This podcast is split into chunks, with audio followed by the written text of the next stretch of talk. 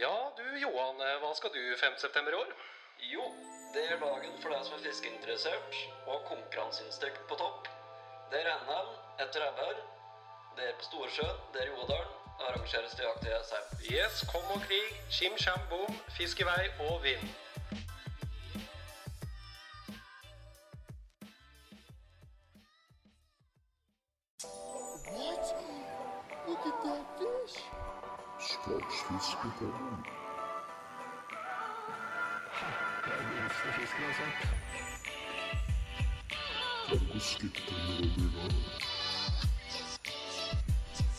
Fiskehavet, det er helt borte. Ja.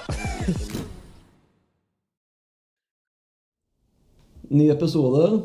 Fjerde episoden nå. I dag så kommer jeg til å kjøre litt slik Dette blir litt annerledes, egentlig. For nå har vi med gjester for første gang. Jeg kommer til å ta litt mer på intervjugreien. Og så har jeg med meg Sondre Breian, som styrer lyd og tar der.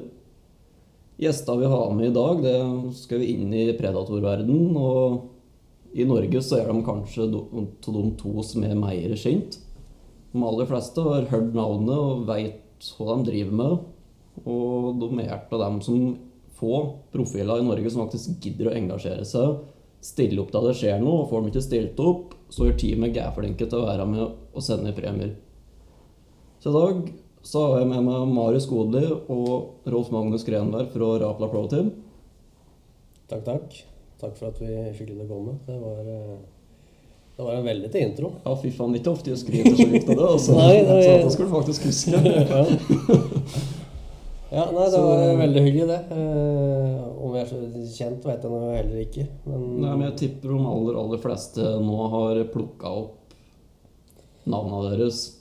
For det er jo innom alt som fins i Rendalen og ned til Kristiansand. ja, vi er med på mye. Ja. Og så har vi engasjert oss mye i predatorfiske, selvfølgelig, både på Mm. og rede. Så Ja, for det har jo vært med å Ja, dette er en episode som skal omhandle mer eh, innenfor konkurransefiske og den slags, og litt om hva altså, gutta har til erfaring med det. Og da blir det hovedsakelig innenfor gjedde og ebber.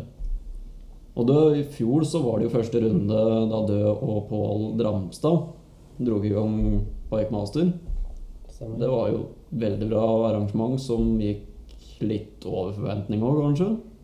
Ja, det var eh, absolutt et bra Vi følte i hvert fall sjøl at vi fikk til en bra greie. Vi fikk veldig mye gode tilbakemeldinger på det vi prøvde å få til. Og så er det jo alltid sånn når du har lyst til å lage en konkurranse, så vil du gjerne ta det enda et hakk videre. Men det er begrensa hva en får til med både tid og, og, og alt som en egentlig ønsker å gjøre rundt det. Da. Mm. Det er, eh, Det ligger jo mye jobb før konkurransestart som ikke er så lett å se for en deltaker. Eh, Det er jo det som er eh, på en måte det vanskelige. Og så har du lyst til å fiske litt sjøl og være med litt sjøl. Grunnen til at vi arrangerer, er jo fordi at vi ønsker å skape et sunt og godt konkurransemiljø i Norge. Det er jo grunnen til at vi har tatt litt initiativ til dette her. Du klarte det. Synes jeg, tror de aller fleste vil påstå å si det. Jeg har ikke pratet med noen som har vært misfornøyd med det arrangementet. i hvert fall ennå. Nei, jeg Så tror, jeg det- tror det var bra, men som Rolf Magnusson sier, tanken var jo da at vi på en måte skulle sparke det i gang. Mm. Og så ønsker vi på en måte å legge en føring på åssen vi kunne få da, mindre klubber, foreninger rundt omkring til å ta arrangementet. Og så skulle vi på en måte være sånn, jeg kaller det en paraply eller noe, da, som Mm. liksom på øverste med nettsider og sånn, liksom prøve å samle tråda, da. Ja. Men at vi sto fritt i hver konkurranse sjøl til å være med. Ja. For det, det er jo det Det finnes jo en hel del fiskekonkurranser rundt om allerede. Eh, i, både i innlandet her vi er, og rundt om på kysten og på fjellet og alt som er. Mm. Og, men det som er kanskje gjengangeren, er kanskje det at eh, sånn som vi predatorfiskere, da, som har tatt ting litt lenger her inn på innlandet, er på en måte jakt etter en konkurransestruktur som er veldig ryddig og, og ordentlig, og det er veldig viktig for oss. Det var kanskje det vi savner i det konkurransemiljøet.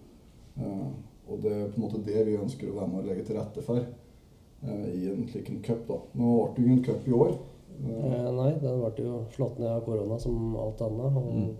tanken da i år var jo å da utvide igjen, da. Altså Når vi sleit i fjor med å arrangere tre konkurranser, så tenker vi da er seks lurt i år. Ja. Så vi hadde jo håp om da å få tre gjeddekonkurranser tre jobberkonkurranser. ja. Men når vi da sitter i mars og ser situasjonen, da klarer vi ikke å prøve å finne alternative datoer og på seks konkurranser gjennom året, så da er det bedre å si at 2020 er pause, og så får vi tråkke til i 2021. Mm. Ja. Det tror jeg, tror jeg var lurt Også. Det er liksom vanskelig å, å forholde seg til for både samarbeidspartnere som vi har hatt, og osv. Og det har det jo, der har jo responsen vært veldig god. Jeg vil takke de som på en måte har vært med og støtta oss alltid fra kompisgjenger som har vært med og hjulpet oss for å få på plass de forskjellige konkurranser, og helt opp i store organisasjoner som leverer utstyr osv., som har vært med og støtta oss med premier og, og vært med og støtta oss med å lage det utstyret vi trenger for å arrangere på en god måte. Ja, og ikke minst alle deltakere. Altså, hadde det ikke vært deltakere, så hadde det heller ikke vært noen konkurranse. Og vi har jo ja, i hver konkurranse, de tre, da og Nå ble det siste avlyst, men i de to andre så har vi jo På dagen før konkurranse har det alltid vært deltakere som har kommet før. ved at hatt en trivelig sammenkomst uh, i første konkurransen og andre konkurransen. Vi hadde ikke klart det uten hjelpa fra, fra deltakere som har møtt opp og hjulpet oss. Altså, i alt fra å lage måleplanker til organisering av telter og alt mulig rart. Så det har vært uh, meget bra.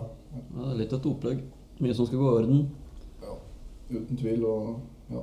Nei, det er som sagt eh, Og det tror jeg det med et sunt og et godt konkurransemiljø, da, eh, for å lokke ut han der litt spesielle, eller spesialiserte, kanskje, predatorfiskeren, eh, er nok òg like mye på jakt etter det der sosiale på kveldstid og eh, dagen før konkurransen og dagen etter. Og, og det å lære seg å treffe nye folk og, Mm. og de tinga der. Jeg tror det er like viktig som konkurransekonsept i seg sjøl. Men så- Det er jo litt viktig, tenker jeg, med tanke på den som ikke har vært på konkurranse før. da. Det er ikke kun selve det som skjer akkurat under konkurransen. Det skjer mye både før og etter, stort sett, og mye sosialt.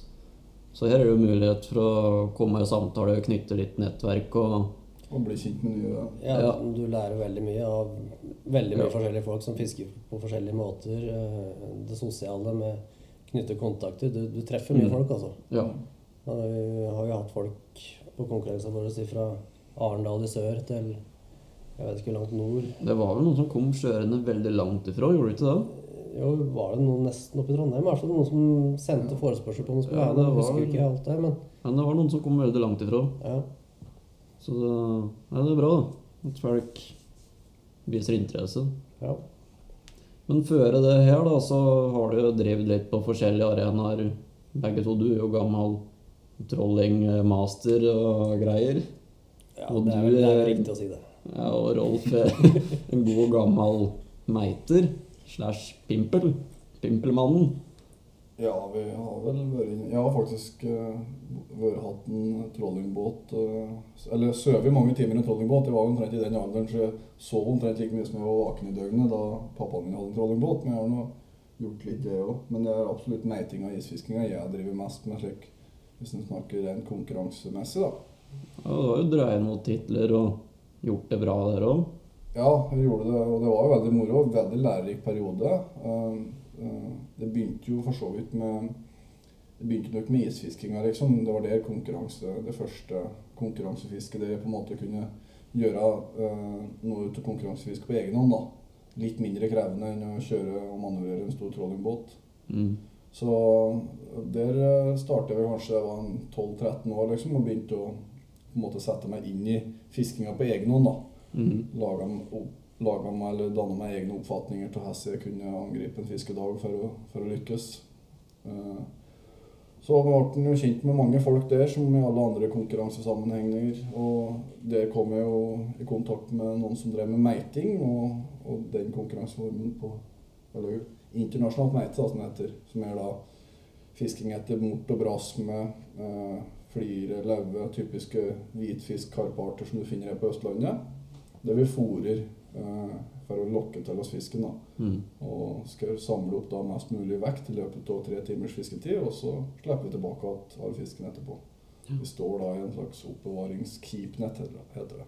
Mm.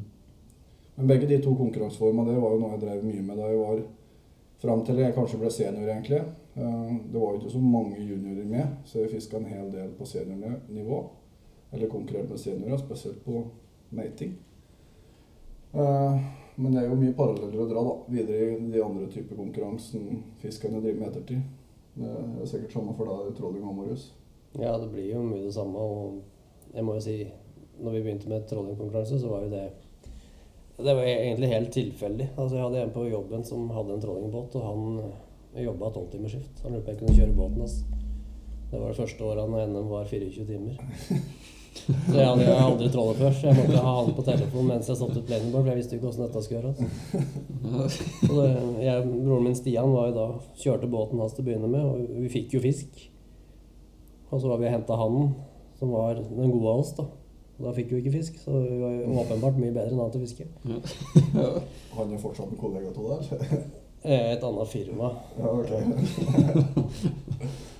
Det er fortsatt en jeg prater med. Han, han har vel òg blitt tatt litt av eh, småbarnsfamilielivet med fotball og alt som skal følges opp der, så han er ikke så ivrig lenger. Men i hvert fall så fikk jo jeg og Stian da dilla da vi fikk kjørt den der båten noen timer.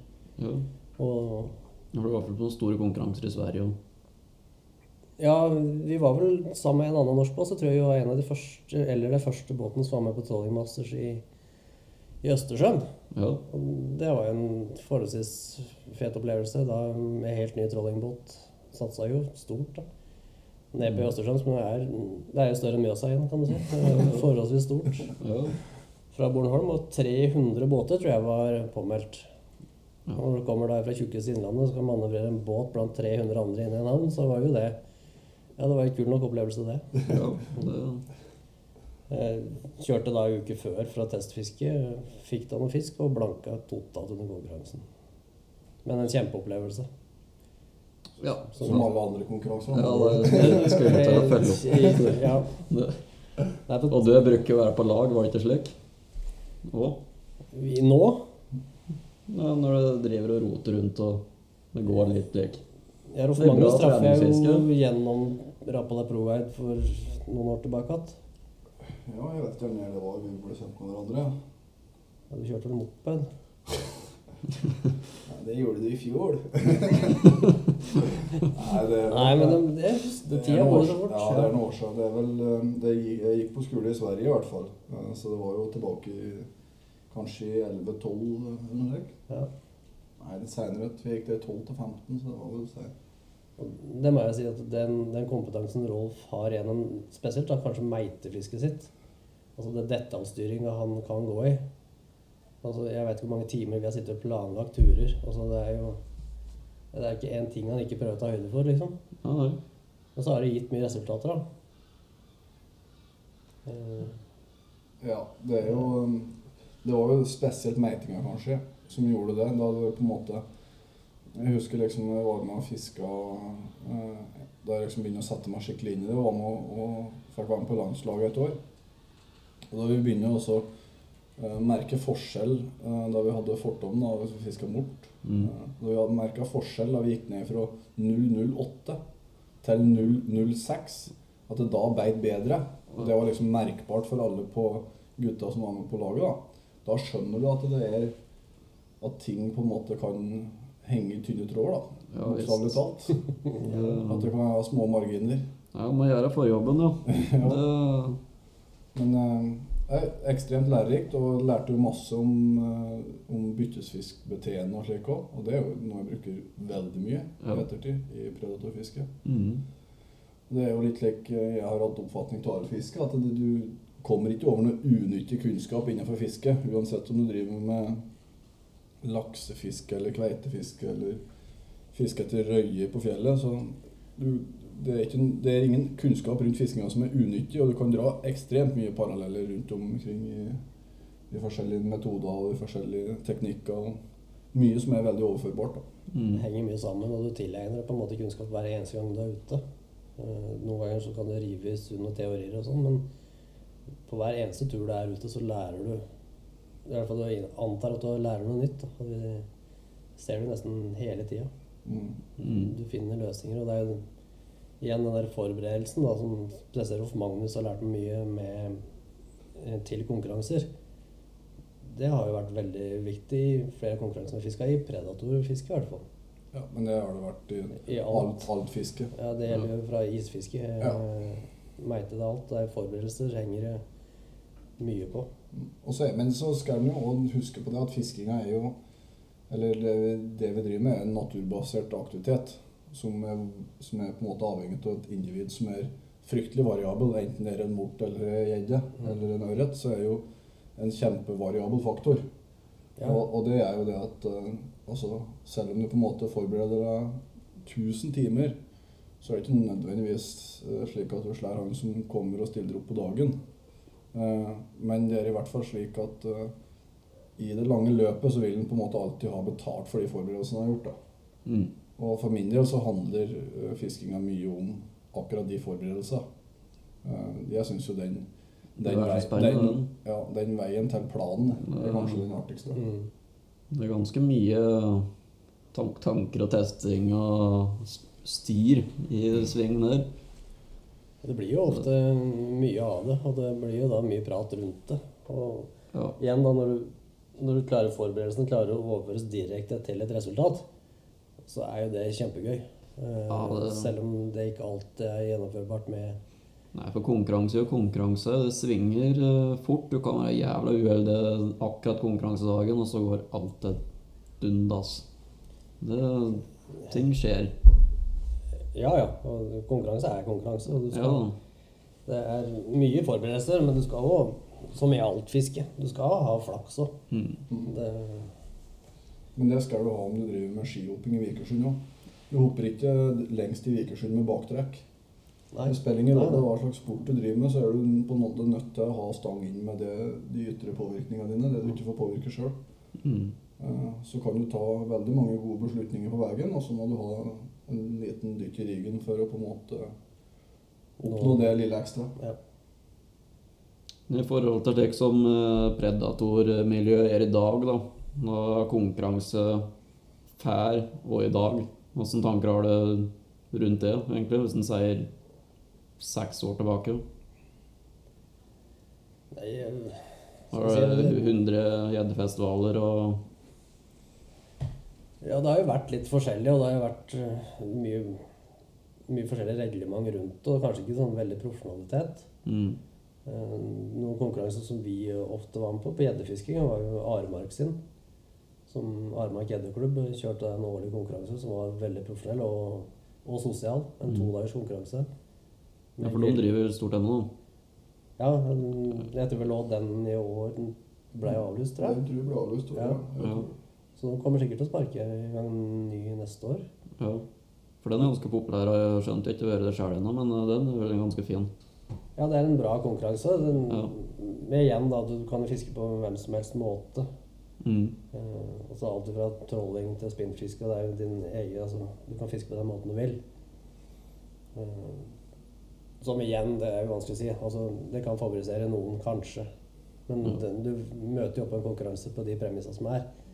Om du vil spinnfiske eller trolle, så er det du som velger det. Ja, da har du møtt opp, så har du på en måte sagt ja til Ja, til de reglene som er. Ja. Mm. Men de var veldig profesjonelle tidlig. Eh, Gjeddefestivalen på Steinsfjorden var jo et eh, Var veldig populær sånn i, fra 2099 eller før 2000-tallet. Med mye fiske. eh, Kanskje litt stort uttak. Så den har jo liksom ikke noe av den Kall det predatorfiskere med, med catch and release, i hvert fall, som et fiskesett deltatt så mye på. Det var jo mye sånne type jegerfestivaler. Det har jo vært det. Ja, altså det, de kultivering gjennom en festival. Det har vel nesten vært tema på mange av dem. Ja. Ja. Og det, det på en måte Det skjedde noe for ja, nå si fem, 15. fem, ja, fem til 15 år siden, da. Da det begynner å komme inn eh, måleplanker. Når noen oppdager at det gikk an å bruke måleplanker for å måle en fisk, og så slippe den tilbake, i stedet for at den skal henges på vekta i, i, i sekretariatet. Mm. Og jeg tror på en måte For det første så tror jeg slik forvaltningsmessig det er den eneste veien å gå. Uh, uh, hvis du skal drive med konkurranser basert på de største fiskene, i hvert fall. Mm. Uh, men så, så kan det diskuteres om, om alle sjøer har Om det er nødvendig. Det er på en måte veldig individuelt. Men i hvert fall så er det jo veldig synd at det ble Det er jo steder det ble tatt ut hengerless med fisk Mm. som gikk i, til Jeg tror ikke det var dyrefoto den gangen, liksom. Ja, det har nok vært begge deler. For Steinsfjord så tror jeg det var en inntekt for, for eh, foreningen òg. Jeg tror vi solgte det til fiskemottak som, som brukte det. Så det var et inntektskilde både påmeldinga og, og det som ble tatt av fangster, da. Men det er ja, 15 år siden så var det kanskje mer av det, og så har det blitt en dreining mot uh, det fang og slipp og catch and release-fiske, i hvert fall i mange konkurranser. Det har du, men det, er jo, det har jo litt med den generelle opplysninga ute blant uh, fiskere flest, å tror jeg. da. Det er, uh, jeg ser nå da jeg starter med det her gjeddefisket, jeg starter med trollingbåten pappa, så hadde nok ikke helt jeg den for muligheten til å tegnelegne med den kunnskapen, i hvert fall, som jeg har i dag. Du, det åpnes liksom og der er da internett kom for fullt, liksom. Ja.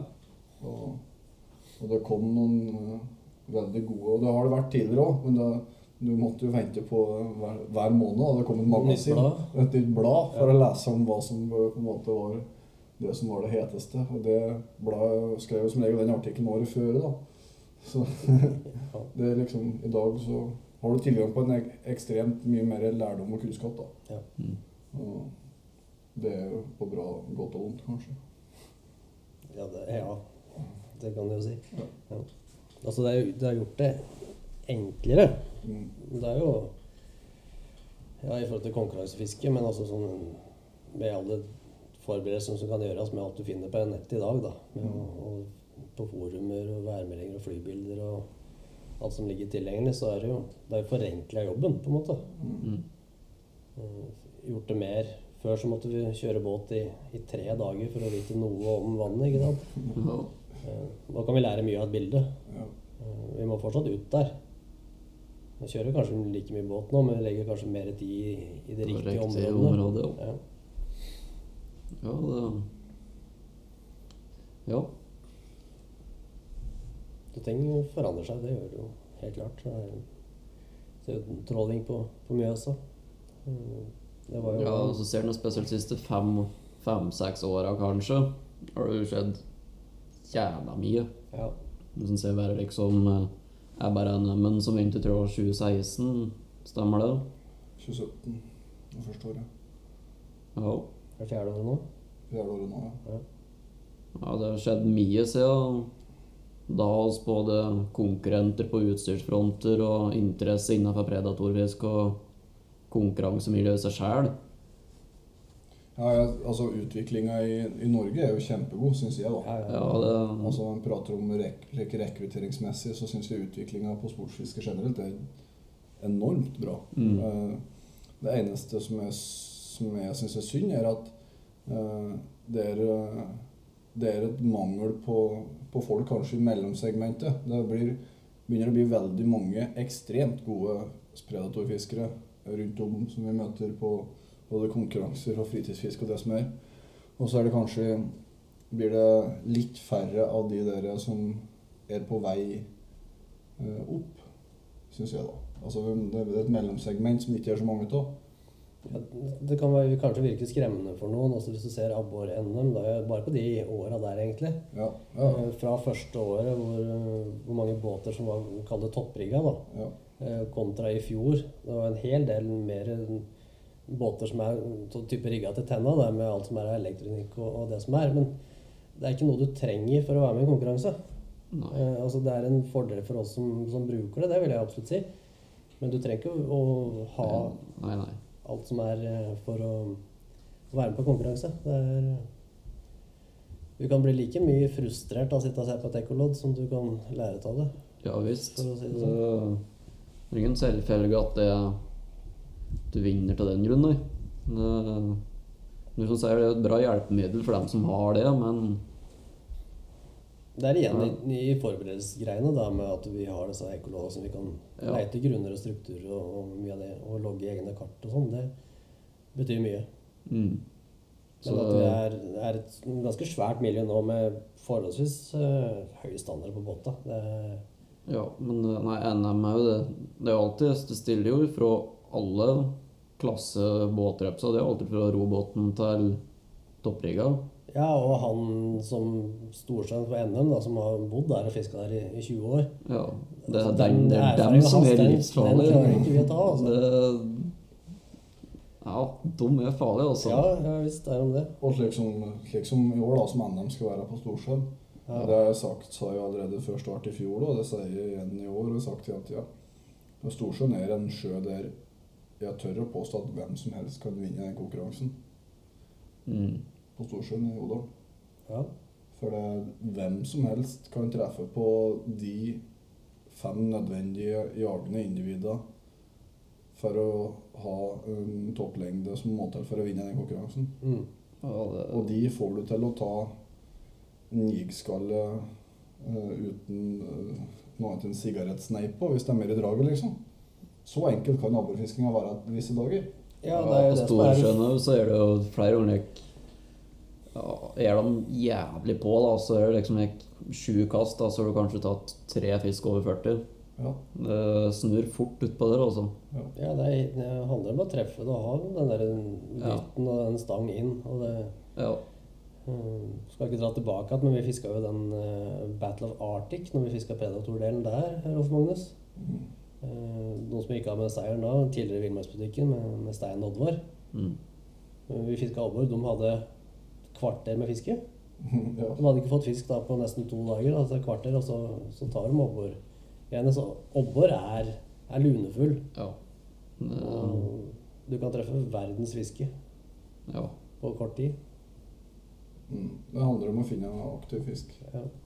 Mm. Det er det Har abboren stengt eh, kjeften for dagen, så har han stengt kjeften. Det er lynlim mellom leppen. Ja, bortimot. ja, og da er det jo veldig gøy å sitte og se på Dekolad at du har båten altså Det er ikke så tjukt av fisk under båten. Ja. Ja. Og da går det noen teorier i Ja, det. da går Det blir bytta noen baits innimellom. Ja. Så Abborfiske er jo Ja, det er jo høytid nå. Eh, supergøy, liksom. Altså, det er, og tilgjengelig for hvermannsen. Alle kan fiske abbor. Ja, og abbor finner du i hele landet, liksom. Så det Det som, som er fint med overfiske, da, hvis en tenker litt konkurransemessig, er jo det at den, han er en del mer tålig enn gjedda, liksom. mm. Um, like Gjeddekonkurransemessig så er det kanskje ikke noe særlig å arrangere gjeddekonkurranser. Det er liksom noen dager da, som er 23 grader i vannet. Så det, er på en måte, det har ikke så stor betydelse for den abborfiskinga, for den er ikke så preget av den høye temperaturen og lange fighter. Og Ja, den har jo komfort på mm, 20 liksom, så ja. Og er ikke så preget av det, liksom, like, hvis en tenker i hvert fall catch and release-konkurranser. da. mm. Og jeg syns i hvert fall sjøl at abborfiske konkurransemessig så er det på en måte eh, Skal jeg si eh, det er Jeg føler at det er lettere å være eh, eh, oppe og nikke fordi at eh, det er et større antall fisker eh, som fordeles på de fiskerne som er med. Så jeg eh, sier at det fanges 150 abbor i løpet av en konkurransedag, og så er det med 50 fiskere. Da er det jo i snitt tre per mann. ja. Men uh, hvis det er med på en gjeddekonkurransedag, så er det kanskje 60 gjedder som kommer opp. Fordelt på 50 fiskere. Mm. Da er det bare litt over ja, Det er ikke engang to gjedder per mann, liksom.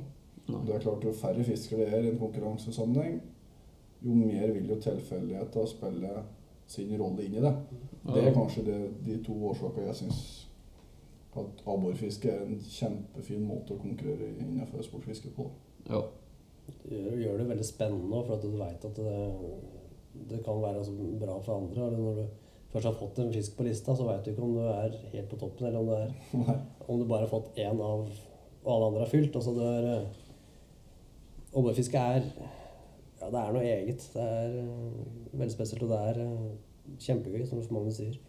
ja, det, Og det, det med at det er mye fisk, da.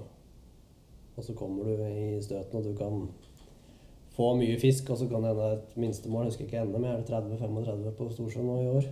tror det er 35. 500 Jeg tror det cm. var 35 år tidligere, i hvert fall. Ja. Og med et bra obberfiske på Storsjøen, da, så har du, kan du ha mange som liksom er rundt 30 og opp på 35, og det, det gjør det veldig moro for alle som er med. For at du, Det skjer ting. det skjer noe hele tida, og du Så vil det ofte bli over veldig jevnt, da, for fiskeantallet er såpass høyt. Så på en måte får det ofte en ganske jevn liste. Selv om kanskje ikke de siste NM har tilsagt det, så er det mer fordi at eh, jeg tror kanskje jeg kan telle på ei hånd, om ikke aldri, at jeg har opplevd så dårlig fiske som det var på NM i fjor. For de som på en måte vurderer ikke ta turen i år for at Storsjøen er en dårlig sjø, så viste den seg fra en relativt dårlig side i fjor.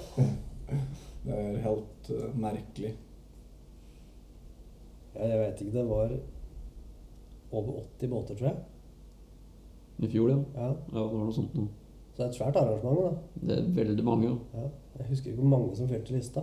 Så det var liksom 80 båter og tre kajakker og noe juniorlag og Ja. Jeg tror det var tre som fylte. Topp tre var det eneste som fylte lista. ja. Og da er det da fem fisker. Mm. Som hadde Ja, vi har vært en liten tur ut i, i dag. Altså lang tid brukte vi på å fylle lista i dag. Altså ikke på Storsjøen, da, men eh, Nei, men på Storsjøen var liksom en vanlig dag på Storsjøen. Så fyller du Men det er klart, det vil jo påvirke. da. Du skal jo dele fisken din med 79 andre båter. ja. ja. Det har jo selvfølgelig en påvirkning uansett om du er en god eller dårlig sjø. ja. Så her kan du komme litt inn på i forhold til utstyr og likt, da. Hva som kan være relevant for å være først og diverse blant de 80 båter. Hva vi tenker litt ja, tenker du i forhold til Storsjøen? Liksom, eller tenker ja, du til Generelt konkurransefiske på utstyrsfronten, og hva som kommer mer og mer nå i dag, da, slik som miljøet utvikler seg. ja, det er ikke noe tvil om at båta blir mye mer tekniske og raske. Ja. Ja. og Svære motorer på våre små båter og beveger seg i høy hastighet. og Det er vel det du hinter inn på. at det, det å kanskje være førstemann på et sted som kan være hot, det, det kan Det kan være På visse dager så kan det jo være avgjørende å ha den raskeste båten og ha elektronikk så du finner fisken fort som faen og veit hva du skal gjøre. Ja, ja. Det, Det er, I hvert fall, fisken skal nå tas uansett. Da. Eh, Og det er jo ikke Vi skal jo skal legge bort fra det at hvis du er førstemann på en plass, eh, og i hvert fall hvis noen ser, ser deg fiske, så er du ikke aleine der. Du kommer mye båter rundt deg, så mm, da skal du dele på det igjen.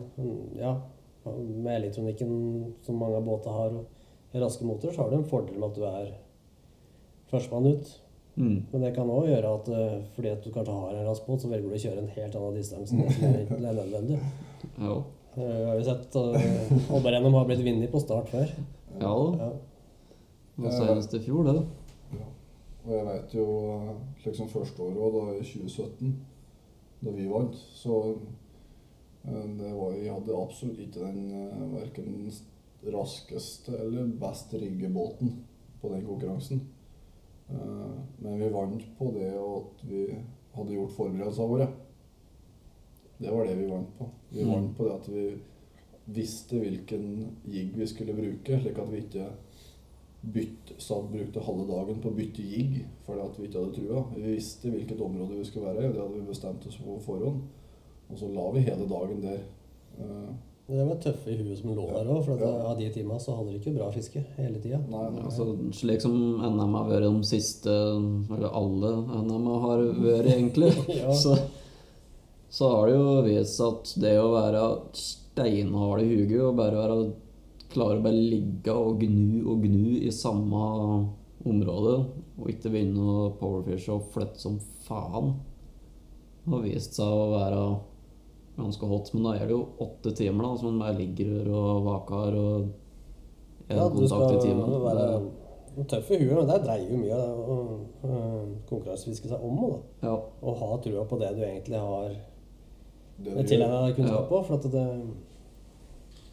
Ja, Det gjelder å holde seg til planen man har satt, og ikke minst til huget og begynne å ja, det kan jo være vanskelig nok, det. da.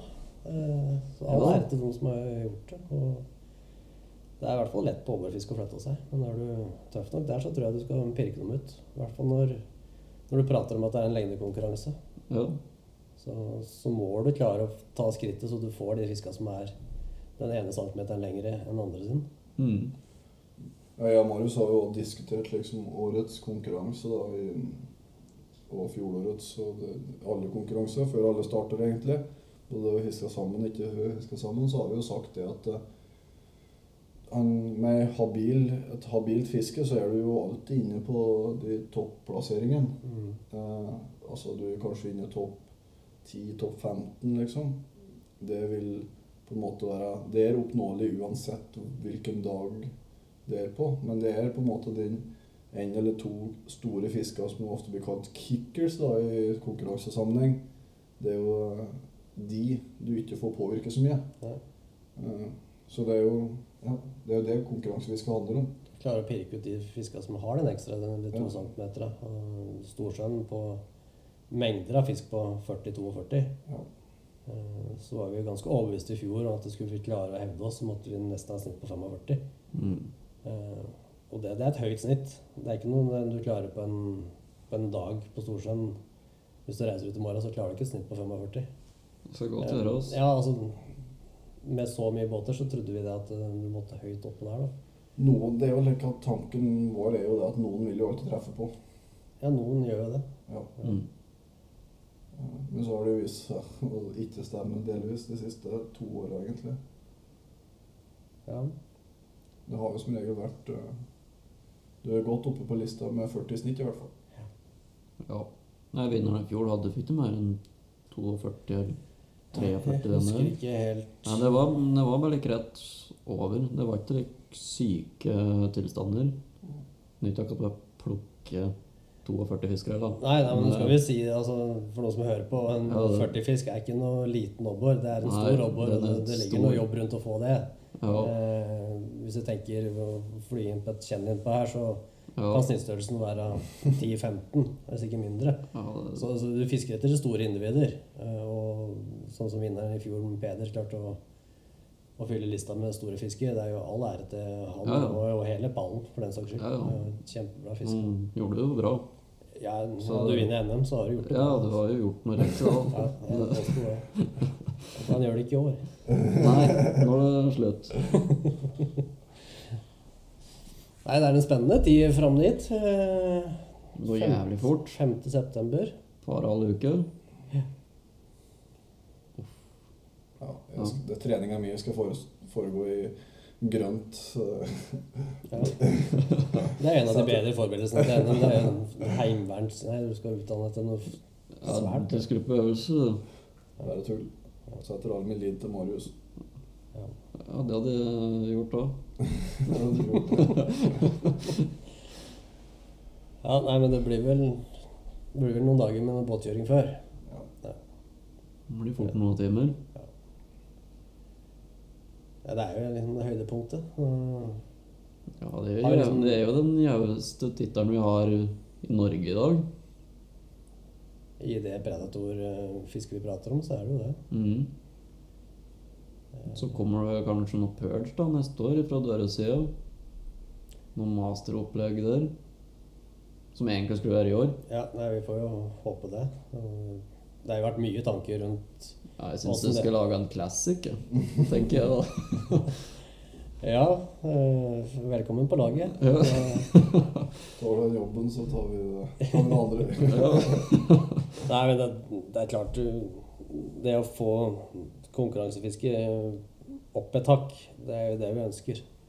Ja, i forhold til åssen tipper det det ser ut på fem år fram. da. Fins det en classic, da? Tipper det er det.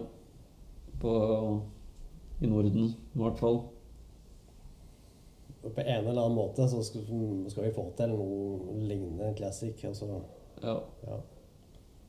Det er eh, nå, For de som ikke vet det, så er det jo sikkert da Det er Bass Master Classic vi prater om. Ja, ja, ja, ja. Classicen er da du kvalifiserer deg til altså, et fåtall av båter da, inn i en stor konkurranse med store premier. ja. Og dette er i USA. Det er, eh, Litt annet. det er en litt annen skala. Ja, det er nok det. Det er nok Det er uh... 200 fullrigga båter som peiser ut. Ja, klart. Også når vi vinner en pakke med jigger og en haspelstang, så har de 100 000 dollar i hver konkurranse. Ja, det er. Det er litt andre penger i det systemet der. Det, det er bare ikke diskuterbart. Men så kan du sitte og se på dem, og så kan du være ute og så kaste under en busk uh, inne på Finnskogen og, og drømme seg bort med at det finnes noe bass. Det, Det klarer seg for min del. Ja, ja. Og på mye av fisket, Gud veit hvor mye kast som har gått bare for at det er moro å kaste. Ja. Ja. Bare for at jeg har sett noen i USA og kaste omtrent slik. Og det er, det er jo inspirasjon blir henta for mye av på abborfiske, i hvert fall. Ja. Uten tvil. Det er, eh, det, ut- og det, er jo, det er jo rett og slett for at miljøet er så stort, og penger eh, Altså penger i den systemet der er så ekstremt store, og ressurser er så store, så utviklinga går fortere. Mm. Det er jo, slik er det jo bare. Slik er det uansett om det vi prater om fisking eller ski. Det, så er det jo Der, der deltakerantallet er stort, der konkurransen hard og ressurser gode, der vil jo den fremste utviklinga ligge. Ja, og og dette er jo heltidsfiskere. Altså, de lever av fiske og bruker all sin tid på det. Og, Ja, Johaug hadde ikke vært god på ski heller hvis ikke hun hadde lagt ned nesten hver eneste våkne time på å trene. Og det gjør disse gutta nedi der. Jeg hadde ikke vært det samme som internatvakt. Nei, i den grad jeg, Nå vet ikke jeg om det er ender med internettvakter. Nei, men jeg tenkte på hvis hun måtte ta jobben min, da. så hadde jeg ikke vært like god på ski. Nei, det hadde jeg jo ikke. Og det er kanskje det som begrenser oss til ikke å være så sjukt gode som vi ønsker å være. At vi faktisk må jobbe. Men vi kan drømme om det. Hver det gjør vi hver dag. Mm. Men det er en inspirasjon. Sitter, vi sitter jo eh, når det er en MLF-konkurranse, en sånn fiskekonkurranse i USA, så er det fire dager med livesending. Ja. Vi får jo med oss hver eneste time.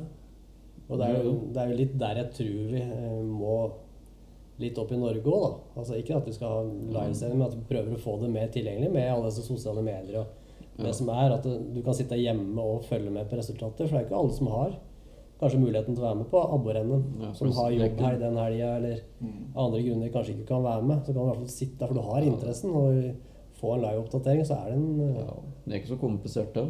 Nei, det, det er ikke komplisert. Det ene handler om Nå er det spesielt i år, men det er jo ressurser.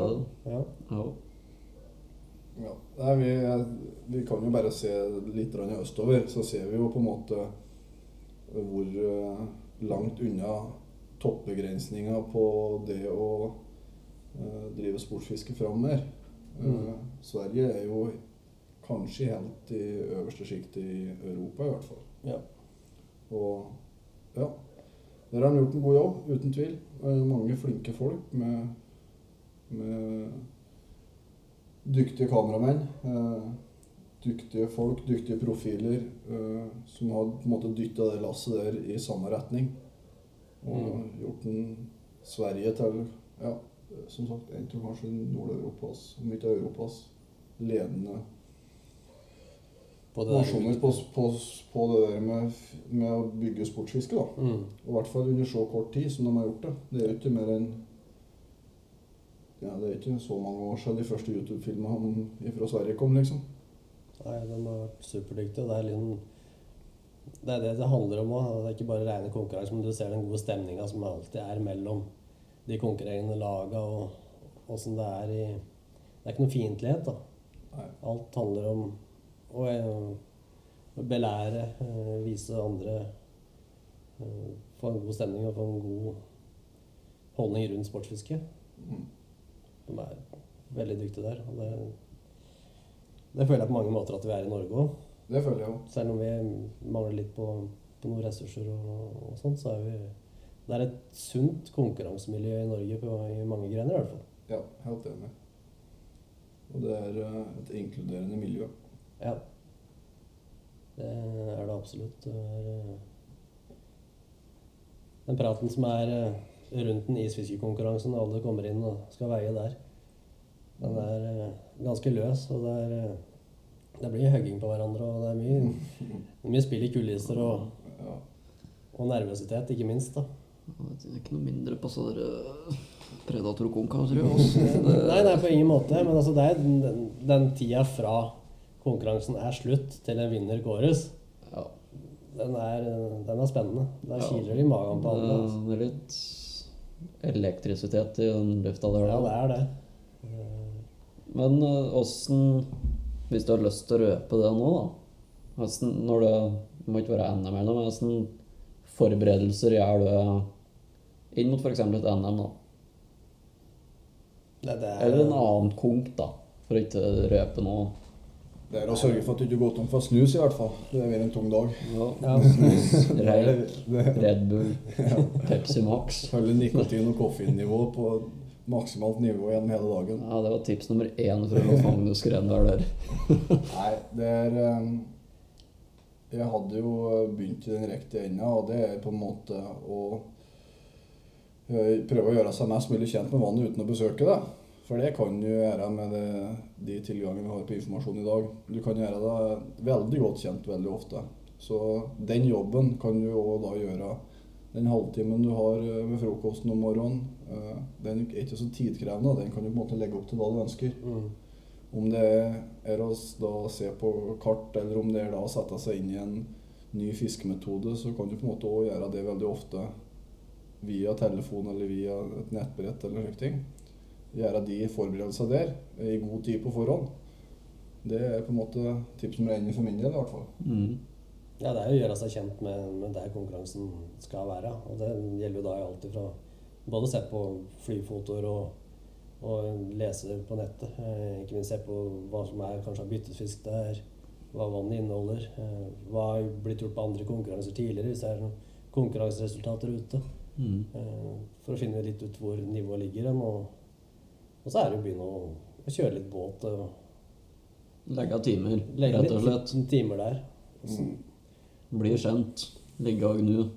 Ja, kjøre og leite strukturer og, og ting som, kan, som du mener holder fisk, da. Mm.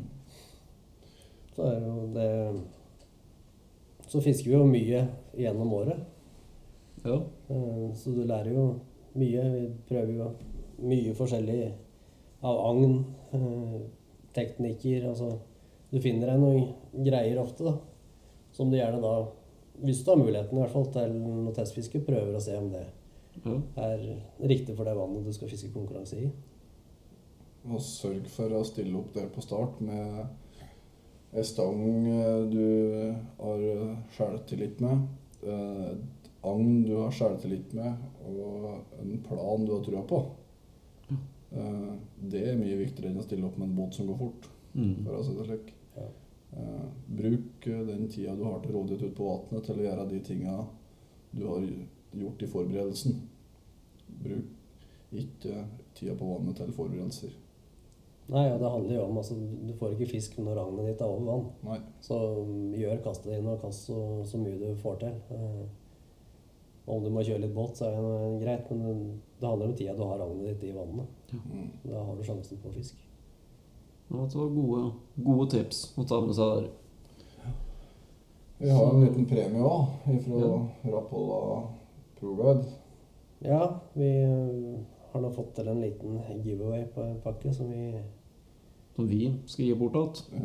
Ja. Ja, dere skal få noe innbort, men det Ja. skal vi få til. da, Så vi samler sammen en, en god del med agn som i hvert fall i fjor eh, viste seg å være eh, ganske overlegne. Eh, ikke for å skryte, men av de sju Nei. De sju første plassene tror jeg på NM i fjor, så var det vel kun ett lag som ikke fikk fisk på Rapala. Ja, ja, eller var seks av, fem av de seks, i husker. Ja, det er mye. Men vi har i hvert fall en giveaway med en bra agn sånn i forhold til abborrennet. Så skal du få en god pakke med ting som mest sannsynlig vil virke der, i hvert fall. Så det blir jo helt kjempe. Så der er det bare å følge videre instrukser på Sportsfiskepodden sin Instagram. Da blir det sikkert en trekker på mot NM. Ja, vi må jo prøve å få det til, så vi i hvert fall får det fram til NM, da. Det skal det bli. Ja. Så Jeg regner med alle som hører på, stiller på start. Dette her er jo beit som er selvklart at de funker, så det er jo bare å komme. Så kan jeg ta dem ut og pakke og knytte dem på, så er det bare å reise ut og vinne. Så det, Ja, det er jo fiskegaranti på, Ja. på, på alt. Så det. Ja, så NM-en den er da i Storsjøen i Odalen, og den er da 5. september. Start går klokken 11. Forventer å se mange der. Dere har 36 plasser. ja. Nå er det tomannslag i seniorklasse. Ja. Så det er bare å melde seg på. Og så har vi litt av spalter på slutten som vi skal begynne å ha med gjester. og Da tenker vi at jeg skal ta en liten story, fiskestory her nå. Fiskestory, ja. Ja, ja. Så mye småfisk som vi har fått, så blir det en kort en, tror jeg. ja den blir Ja, det, det, alt jeg driver med, er forholdsvis kort. da. Ja. du får begynne, Marius. Jeg vet ikke om jeg har noe spesiell story, men altså Skulle den være morsom òg? Ja, helst. Ja, da er vi jo rett på deg. Ok. Ja. Okay. Ja, De fleste historier som gjelder morsomheter, det må jo gjelde deg, Johan. Ja, akkurat det. Nå er jeg spent. Det, Nei, jeg, jeg veit ikke hva jeg skal ha for noen morsomme historier. Altså, jeg skal si nesten hver fisketur er eh, på en eller annen Det, det skjer noe hver eneste gang du er ute. Noe som ikke skal se, skje. Det er nok av episoder med kroker i armer og fingre og, og tulling, men eh, det er en morsom historie. Vet ikke. Spenn fast elmotoren din før du kjører fort, i hvert fall. Jeg har sett uh, flere eksempler på at det kan ha gått galt. jeg, switch, jeg legger kula over til Rolf. jeg. Han får prøve han. Får han prøve en gang. Jeg, jeg kommer på å prate om at jeg skulle på en militærøvelse nå rett før i midt i forberedelsen til NM. Så har jeg vært militær en gang tidligere òg. Det var vel i 2016. Da um, hadde jeg jo eh, selvfølgelig tjeneste oppe i Pasvik. Det var jo ikke for det. Det er jo et kjempespennende område for fisking, det, men det ble ikke så mye tid til det det var der oppe. Så på et eller annet vis måtte jeg komme hjem igjen gjorde en eh, liten overhørelse at det gikk an å søke om jordbruksperm. Og så jo mitt snitt da jeg bor der jeg bor, for det er alle, alle som bor i Glomma, må jo ha noen lapper med jord. Så jeg søkte da jordbruksperm på um, en liten jordlapp på størrelse med en litt stor plen, som farsan min eier, da. Men jeg har pakket den bort, da, selvfølgelig. og fikk innvilget da ei uke. Eh, Den uka ble brukt i en lavvo på gjeddemeite. Det var jo i oktober, dette her. Gudene vet hva slags jordbruk han driver med i oktober på Finnskogen. Som regel er det jo tæla. Men uh, i hvert fall så ble den brukt på ei ukes tur med Marius i lavvo. Uh, Der vi bestemte oss for å ligge de første fem dager på ei sandøy i Glomma og meite gjedde. Og det kan jeg anbefale ingen å gjøre i ettertid, for det er sand å ligge i lavvo, eller campe i lavvo, det var liksom en dårlig idé. Ja, altså det, det er jo Ja, for det første så ligger du da i fire dager uten å se fisk, da. Ja, det Og det skal jo sies at når vi er, vi er forholdsvis enkle på tur. Vi har jo med oss noe Tomatbønner er jo en favoritt. Altså når du åpner en boks med tomatbønner, den er hermetisert, og det er sand inn. Altså det var, det var sand i alt vi eide og hadde. Det er fortsatt sand i båten til Marius. Ja, ja, den får du ikke regne i. Etter den turen. Det er jo fire år siden, altså. Nei, det Legg du aldri på sanda da du skal campe. Det må være Nei, en historie for et tips. ja, et veldig tips det er jo å dele fiskegleden med andre. Reis alltid en to Ja. på tur. En delt glede er noe bedre enn en egen. Da har du noen å mimre tilbake med. Ja. Ja, jeg hadde Hadde ikke vært for deg, så hadde den sanda vært enda mer irriterende, Marius. Ja. Ja. Jeg hadde nok med sand og deg. Det var faen meg stille Sand over deg. Nei, men tenke- det, det er jo så dumt at når du ligger på en Jeg veit ikke hvor stor denne øya var. Nei, ikke. Nei. Men det var, vi fikk opp en lavvo der, så vi måtte spikke, altså sette opp en lavvo med teltplugger og sandhaug. Ja, det var ikke hjulpet minne det heller. Nei, det var ikke det. Det men heldigvis så var det jo fint vær, da. Eh, Ja. Siste natta så våkna vi at alle alarmer gikk. Da frøys det. Ja, Da kom det et isflak driven Så da pakka vi sammen og og dro nedover. ja, Ja. Men vi fikk en stor fisk, og det var uten tvil verdt det. Det var absolutt verdt det. Den fisken er kanskje en av de fiskene som har betydd mest for oss når vi har vært på tur. Eh, Det var en svær gjedde, men vi hadde en intern konkurranse med det, det svenske Rappava-laget om lengst fisk det året. Og den slo den svenska med en centimeter. En centimeter helt på slutten. Ja. Og da kom det strofer. da kom det strofer. Ja. Da var det grining og skriking og fullpakke, da. Ja. Ja, ja det, i hvert fall så er det ingen fra militæret som har vært så glad på jordbruksperm som jeg var da. Det kan jeg love. Så siste tips skaff deg en jordlapp. Ja. Skal du i armen min, så ta så ordne med noe jord.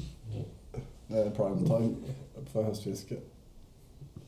Ja, jeg tenker vi kan runde av dere. At det var kjempebra, det. Kom mye nyttige tips og litt rare ting og litt fine ting. Og Ja, altså, det er vel noe tilgjengelig skulle det være nå. Vi har noe Ja. Det er noe pro-guide-blogger og tilgjengelig på sosiale medier. er vel Ja, så spørsmål. alle får sjekke ut dem på sosiale medier, både private og Rapala sin sida sjøl. Der kommer det alltids svar. Takk for at vi Så jo, tusen takk for at du gadd å svinge innom. så det var Kjapp sving om innom Finnskogen. Ja.